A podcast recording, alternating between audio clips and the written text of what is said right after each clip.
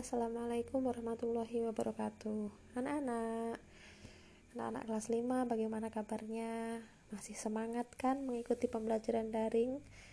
Capek enggak? Semoga tidak ya Karena kita akan belajar secara daring ini selama 6 bulan ke depan Jadi tidak boleh bosen, tidak boleh capek Tetap belajar menjadi generasi penerus bangsa yang hebat seperti biasa, kita akan memulai pembelajaran keempat pada pagi hari ini. Anak-anak harus sudah menyiapkan buku, paket, buku tulis, dan alat tulisnya.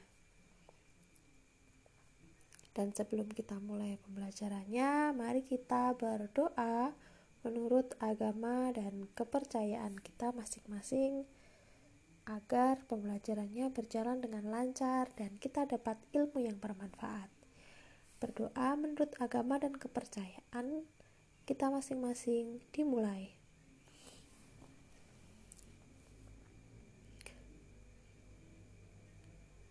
Berdoa selesai. Baik anak-anak, kemarin di pembelajaran ketiga kita telah mengamati peta Indonesia dan kita juga telah mempelajari letak geografis negara Indonesia. Kalian masih ingat kan? Indonesia terletak di antara dua benua. Benua apa itu? Betul, benua Asia dan Australia. Dan juga terletak di antara dua samudera. Samudera apa itu? Ada yang ingat? Betul, Samudra Hindia dan Samudra Pasifik. Hari ini kita akan mempelajari letak geografis pulau-pulau besar yang ada di Indonesia. Kita akan membahas enam pulau-pulau besar yang ada di Indonesia, yakni Pulau Jawa, Pulau Sumatera, Pulau Kalimantan, Sulawesi, Papua dan Maluku, serta Pulau Bali dan Pulau Nusa Tenggara. Kalian buka di halaman 32, kita mulai dengan membahas kondisi geografis Pulau Jawa berdasarkan peta. Yang pertama, Pulau Jawa memiliki luas 128.297 km persegi. Pulau Jawa ini merupakan wilayah terluas kelima di Indonesia dan merupakan pulau terbesar ke-13 di dunia. Batas-batas Pulau Jawa di sebelah utara ada Laut Jawa dan Pulau Kalimantan. Di sebelah timur ada Selat Bali dan Pulau Bali. Di sebelah selatan ada Samudera Hindia dan Kepulauan Australia. Di sebelah barat ada Selat Sunda dan Pulau Sumatera. Nama-nama pantai yang ada di Pulau Jawa ada banyak. Kalian pernah ke pantai apa belum? Ada Pantai Pangandaran di Jawa Barat ada Pantai Carita di Banten, ada Pantai Anyer di Banten, Pantai Parangtritis di Yogyakarta, dan masih banyak lagi pantai yang lain. Seperti yang dijelaskan kemarin, karena Indonesia memiliki banyak pulau, otomatis Indonesia memiliki garis pantai yang sangat panjang. Nama laut di Pulau Jawa itu ada Laut Jawa, Samudra Indonesia, dan Selat Sunda. Untuk nama dat dataran rendah di Pulau Jawa ada dataran rendah Surakarta, dataran rendah Semarang, dan dataran rendah Madiun. Selanjutnya, nama-nama gunung yang ada di Pulau Jawa antara lain Gunung Ciremai, Gunung Papandayan di Jawa Barat, Gunung Sindoro, Gunung Sumbing di Jawa Tengah. Di Jawa Tengah ada Gunung Lawu, Gunung Ijen di Jawa Timur. Nah, itu tadi adalah kondisi geografis Pulau Jawa. Sekarang kita masuk ke kondisi geografis Pulau Sumatera, ada di halaman 33. Pulau Sumatera merupakan pulau terluas kelima di dunia. Luasnya 473.481 km persegi. Batas-batas Pulau Sumatera di sebelah barat ada Samudra Hindia, di sebelah timur Selat Karimata, di sebelah selatan ada Samudra Hindia, sebelah utara ada Laut Cina Selatan dan negara Malaysia. Nama-nama pantai di Sumatera ada Pantai Iboih, Aceh, Pantai Sorake di Pulau Nias, Sumatera Utara, Pantai Trikora di Kepulauan Rio, Pantai Pasir Putih di Lampung, Pantai Tanjung Tinggi di Kepulauan Belitung. Sedangkan nama laut di Sumatera ada Laut Indonesia, Selat Bangka, dan Selat Malaka. Dataran rendah di Sumatera, bagian timur Sumatera adalah sebagian besar merupakan hutan rawa dan merupakan dataran rendah yang sangat luas. Dataran rendah di Sumatera Utara yaitu Melaboh dan Sing Singkil. Di Sumatera banyak terdapat gunung berapi aktif seperti Merapi, Talang, Sinabung, dan lain-lain. Itu tadi kondisi geografis Pulau Sumatera. Selanjutnya kita masuk ke kondisi geografis Pulau Kalimantan. Kalimantan merupakan pulau terluas kedua di Indonesia dengan luas 700.785.000 maaf diulangi ya 785.753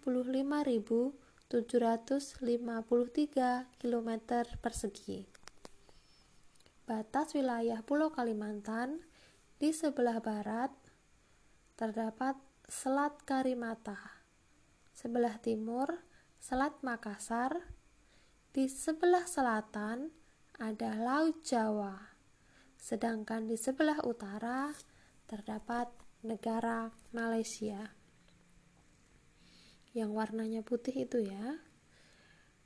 Selanjutnya, nama pantai di Kalimantan antara lain Pantai Amal Tarakan, Pantai Mangkupadi, pantai Sungai Taiwan, pantai Batu Lamumpu, dan pantai Kayu Angin. Nama laut di Kalimantan yakni Selat Makassar, Laut Cina Selatan. Untuk dataran rendah di Kalimantan ada dataran rendah Kapuas, dataran rendah di antara pegunungan Muler, dan Schaffner dengan pegunungan Meratus. Dataran rendah Sungai Mahakam di sebelah timur. Selanjutnya, untuk nama gunung di Kalimantan sangat banyak, antara lain Gunung Palung di Kalimantan Barat, Gunung Bukit Raya di Kalimantan Tengah, Gunung Lingpran di Kalimantan Timur, lalu Gunung Halau-Halau di Kalimantan Selatan. Nah, itu tadi kondisi geografis Pulau Kalimantan berdasarkan peta. Sekarang kita masuk ke halaman 34. Kita pelajari kondisi geografis Pulau Sulawesi berdasarkan peta.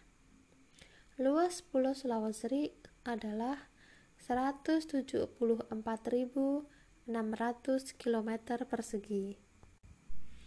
Di Indonesia, Pulau Sulawesi merupakan pulau terbesar keempat setelah Kalimantan, Papua, dan Sumatera. Batas-batas Pulau Sulawesi di sebelah barat yaitu Selat Makassar, sebelah timur ada Pulau Halmahera dan Laut Arafuru. Di sebelah selatan ada Laut Bali dan Laut Jawa. Di sebelah utara ada Laut Filipina.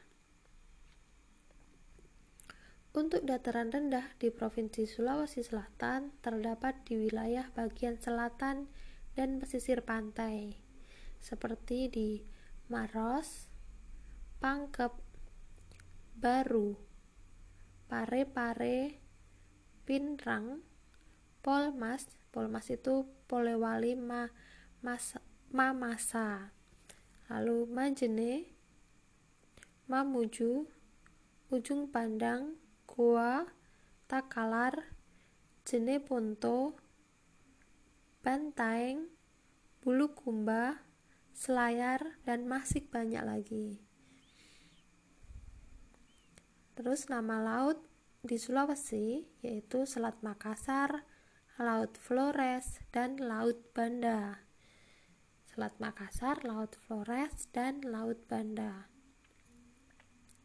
Nama pantai di Sulawesi yaitu Taman Nasional Wakatobi, Pantai Nirwana, Pantai Lakeba, Pantai Kamali, dan Pantai Walengka Walengkabula.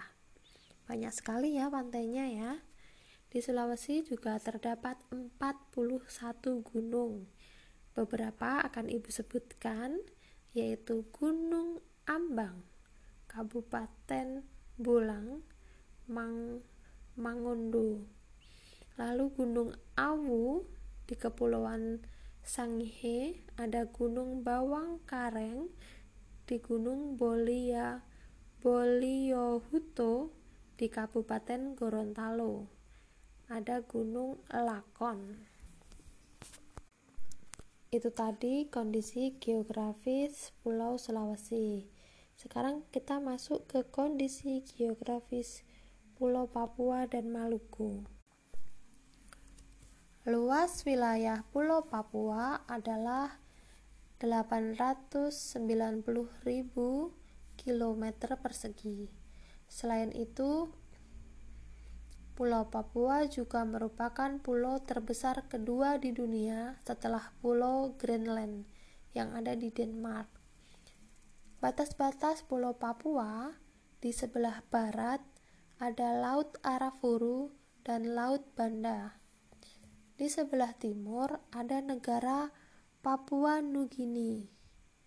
Di sebelah selatan ada Samudra Hindia dan Sebelah utara ada Laut Filipina. Nama-nama pantai di Papua, Pantai Teluk Triton di Kalimana, ada Pantai Pulau Venue, ada Pantai Bakaro, dan Pantai Pulau Um. Nama laut di Papua ada Laut Arafuru, Samudra Pasifik Selatan, dan Teluk Cendrawasih. Dataran rendah yang ada di Papua antara lain dataran rendah pesisir bagian selatan Papua, dataran rendah pesisir Arafura, dataran rendah pesisir Transfli, dataran rendah pesisir Teluk Papua, dan lain-lain. Nama-nama gunung yang ada di Papua antara lain saya sebutkan tiga saja ya. Gunung Puncak Jaya, ini adalah gunung tertinggi di Indonesia yang di ujungnya ada salju abadi. Jadi di Indonesia itu ada salju ya. Itu ada di puncak Gunung Jayawijaya atau puncak Gunung Jaya. Lalu puncak Trikora ada lagi puncak Hindenburg. Itu nama-nama gunung yang ada di mana? Di Papua. Lalu kita masuk ke kondisi geografis Pulau Nusa Tenggara. Luasnya sekitar 20.000 km persegi. Ya, batas-batas uh, di Nusa Tenggara sebelah utara ada Laut Flores, di sebelah barat ada Laut Timur, sebelah selatan ada Samudra Hindia dan sebelah timur ada Laut Bali. Nama-nama pantai saya sebutkan tiga saja ya. Ada pantai Selong, Belanak, ada pantai Seger, ada pantai Gili Meno, dan lain-lain.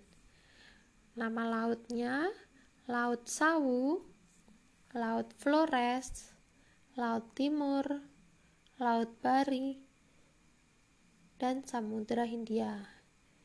Nama dataran rendahnya yaitu dataran rendah kebanyakan terdapat di daerah pantai ya, di sekeliling teluk dan lembah-lembah seperti di Lombok, Sumbawa, dan Flores.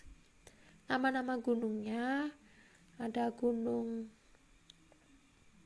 Kelimutu, ada gunung Batu Tara, ada gunung Egon, dan lain-lain. Nah, itu tadi materi tentang letak geografis atau kondisi geografis pulau-pulau besar yang ada di Indonesia.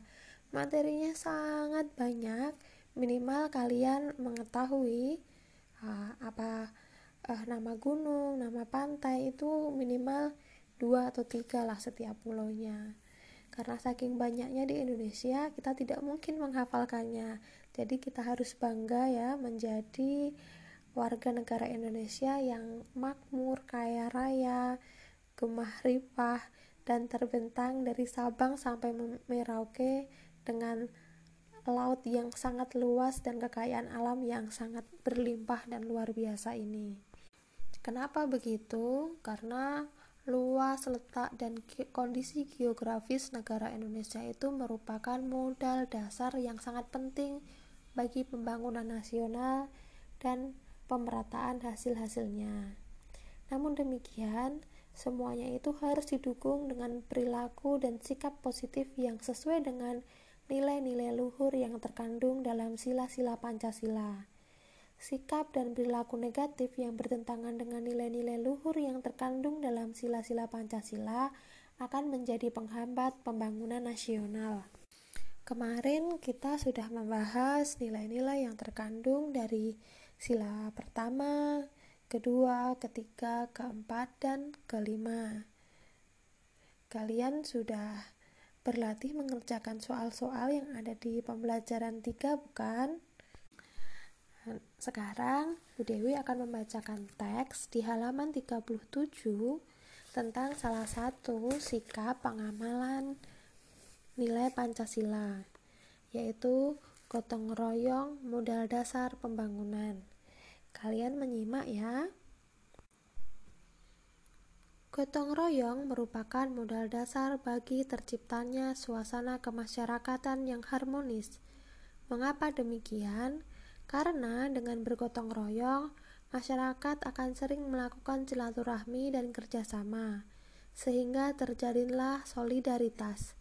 Seiring dengan munculnya rasa solidaritas inilah akan muncul juga rasa empati dan simpati di antara masyarakat yang akan mempererat dan memperkuat hubungan masyarakat. Seperti yang dijelaskan Bu Dewi di pembelajaran tiga kemarin, gotong royong merupakan contoh pengamalan Pancasila sila ke tiga persatuan Indonesia. Nah, di sini juga disebutkan bahwa dengan gotong royong akan muncul rasa empati, simpati antar masyarakat sehingga akan mempererat dan memperkuat hubungan masyarakat. Tidak ada perbedaan dalam prinsip gotong royong. Gotong royong adalah kerjasama memeras keringat secara bersama dan perjuangan saling bantu membantu secara bersama. Gotong royong dilakukan demi mencapai tujuan bersama, tidak mempedulikan agama, suku, ataupun golongan. Selanjutnya, paragraf ketiga. Prinsip-prinsip gotong royong sangat bermanfaat bagi pelaksanaan pembangunan nasional karena semua masyarakat merasa saling memiliki. Masyarakat juga merasa mempunyai tujuan yang sama, yakni terwujudnya kehidupan yang sejahtera. Dengan bergotong royong, segala program pembangunan yang dicanangkan oleh pemerintah akan dapat dilaksanakan dengan baik tanpa adanya gangguan yang disebabkan oleh ketidakharmonisan masyarakat. Selain yang dijelaskan pada teks tadi, manfaat gotong royong antara lain pekerjaan akan menjadi cepat selesai, pekerjaan yang berat juga akan menjadi lebih ringan. Nilai plusnya lagi akan tercipta persatuan dan kesatuan. Nah, dari tiga paragraf yang sudah dibacakan Bu Dewi, tugas kalian uh, di halaman 38 ini sebagai latihan saja ya. Kalian dapat uh, menemukan ide pokok masing-masing paragraf. Untuk paragraf pertama sudah ditulis di situ. Ide pokoknya adalah gotong royong merupakan modal dasar bagi terciptanya suasana kemasyarakatan yang harmonis. Paragraf kedua dan ketiga, ide pokoknya apa? Nanti kalian isi di situ ya. Tapi tidak masuk ke uh, buku ke, ke ke buku rajin yang ditumpuk ke sekolah karena hari ini kita akan mengerjakan soal matematika. Namun soal ini dapat kalian jadikan sebagai bahan latihan di rumah. Baik anak-anak, pembelajaran yang keempat kita telah selesai. Kalian dapat memutar ulang rekaman pada podcast ini untuk dapat merangkum dan mencatat hal-hal yang penting yang seharusnya kalian catat. Hari ini Bu Dewi juga akan share materi matematika yang ada di link YouTube. Nanti tugas kalian hari ini adalah menjawab soal matematika, tulis di buku kotak kalian, lalu nanti dikumpulkan secara luring Tunggu instruksi dari Bu Dewi untuk waktu pengumpulannya. Baik, sekian dari Bu Dewi. Wassalamualaikum warahmatullahi wabarakatuh.